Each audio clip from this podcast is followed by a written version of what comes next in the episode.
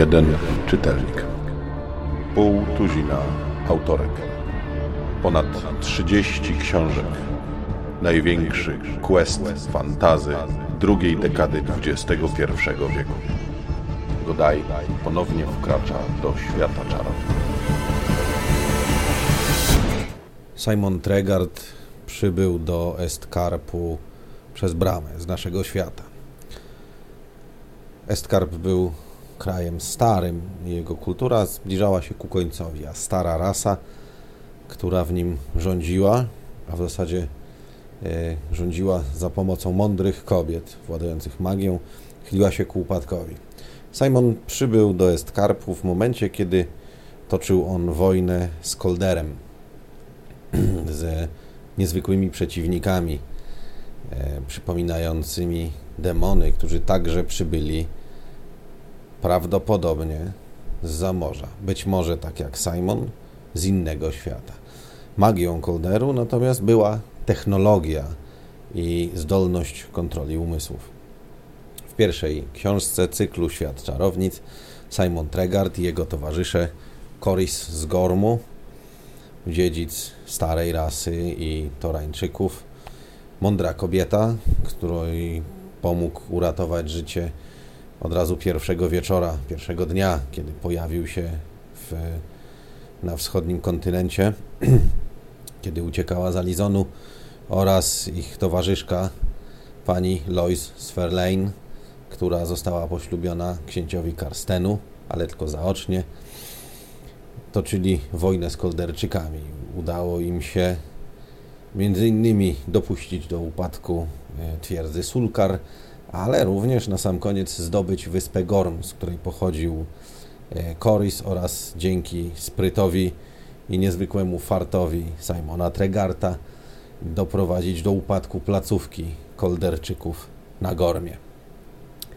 Druga część, Świat Czarownic w Pułapce, opowiada o dalszej części tej walki. Simon Tregart i mądra kobieta z Rady Czarownic są teraz razem. Mądra kobieta nie jest już mądrą kobietą, ma na imię Jelite i jest żoną Simona Tregarta.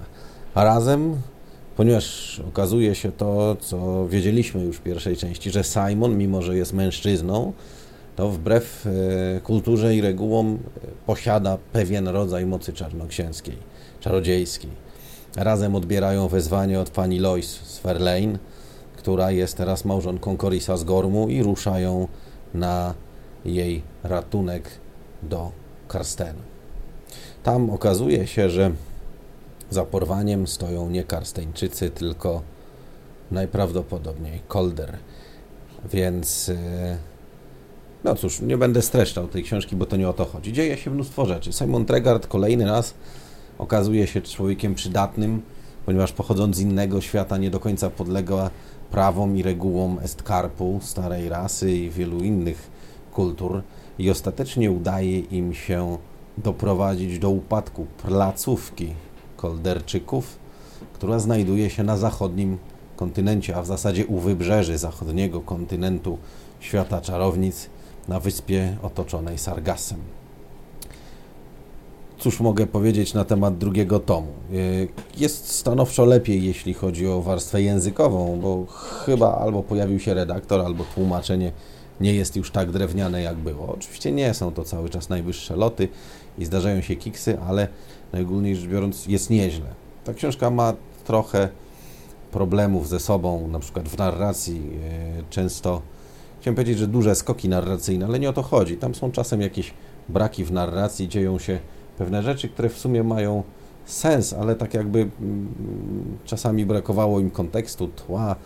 Autorka momentami bardzo skacze po świecie, który wymyśliła i w rzeczywistości, którą ma, traktuje ją tak troszkę pretekstowo, jakby dopisywała tło wydarzeń do samych wydarzeń, co nie wpływa ogólnie rzecz biorąc na intrygę jako taką, ponieważ intryga toczy się. Tym razem nie jest tak jak w pierwszej części podzielona na osobne historie, które gdzieś tam się zazębiają, tylko jest to w zasadzie jednowątkowy quest, y, on tam rozdziela się momentami na e, powiedzmy poszczególne postacie, ale tak czy siak zbiega się, pojawiają się wszyscy praktycznie wszyscy e, bohaterowie, których znamy z pierwszej części. Coris gdzieś tam potem się zapodziewa, ale mm, to, to nie jest tak, że to jest jakaś dramatyczna strata, bo i tak wiadomo, że najważniejszymi są Simon i Jelite.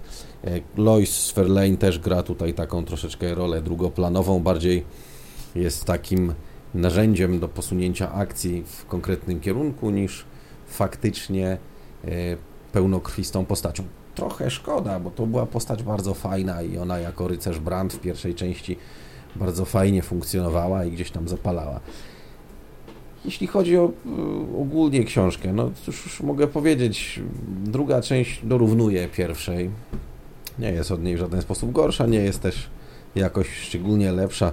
Jest to takie powiedzmy przeciętne sobie fantazy z elementami dodatkowymi. W tym wypadku dużo jest kolderczyków, więc jest sporo technologii, jest sporo rzeczy, które wykraczają poza magię. E, Simon Tregard i jego żona czarownica, już nie czarownica, ale nadal władająca magią, są takimi troszeczkę bohaterami heroicznymi. No ale to chyba o to chodzi, bo w końcu, y, jeżeli się nie mylę, to jest high fantasy i w tym wypadku bohaterowie tego typu, potężni, w zasadzie nawet momentami mogą być wszechpotężni, są jak najbardziej na porządku dziennym. To jest coś, ktoś, wokół kogo kręci się cały świat. Więc cała sprawa z Kolderem zostaje szczęśliwie doprowadzona do końca. I na dobrą sprawę, jeśli chodzi o cykl Estcarp, to tyle, jeśli chodzi o sam kraj starej rasy, bo długo, długo jeszcze czytelnik nie będzie miał okazji do niego wrócić. Część trzecia bowiem wprawdzie w Westkarpie się zaczyna, ale potem dzieje, że tak powiem, rodu Tregartów wywędrują daleko, daleko na wschód. Ale o tym to już e, w kolejnej audycji. Pozdrawiam.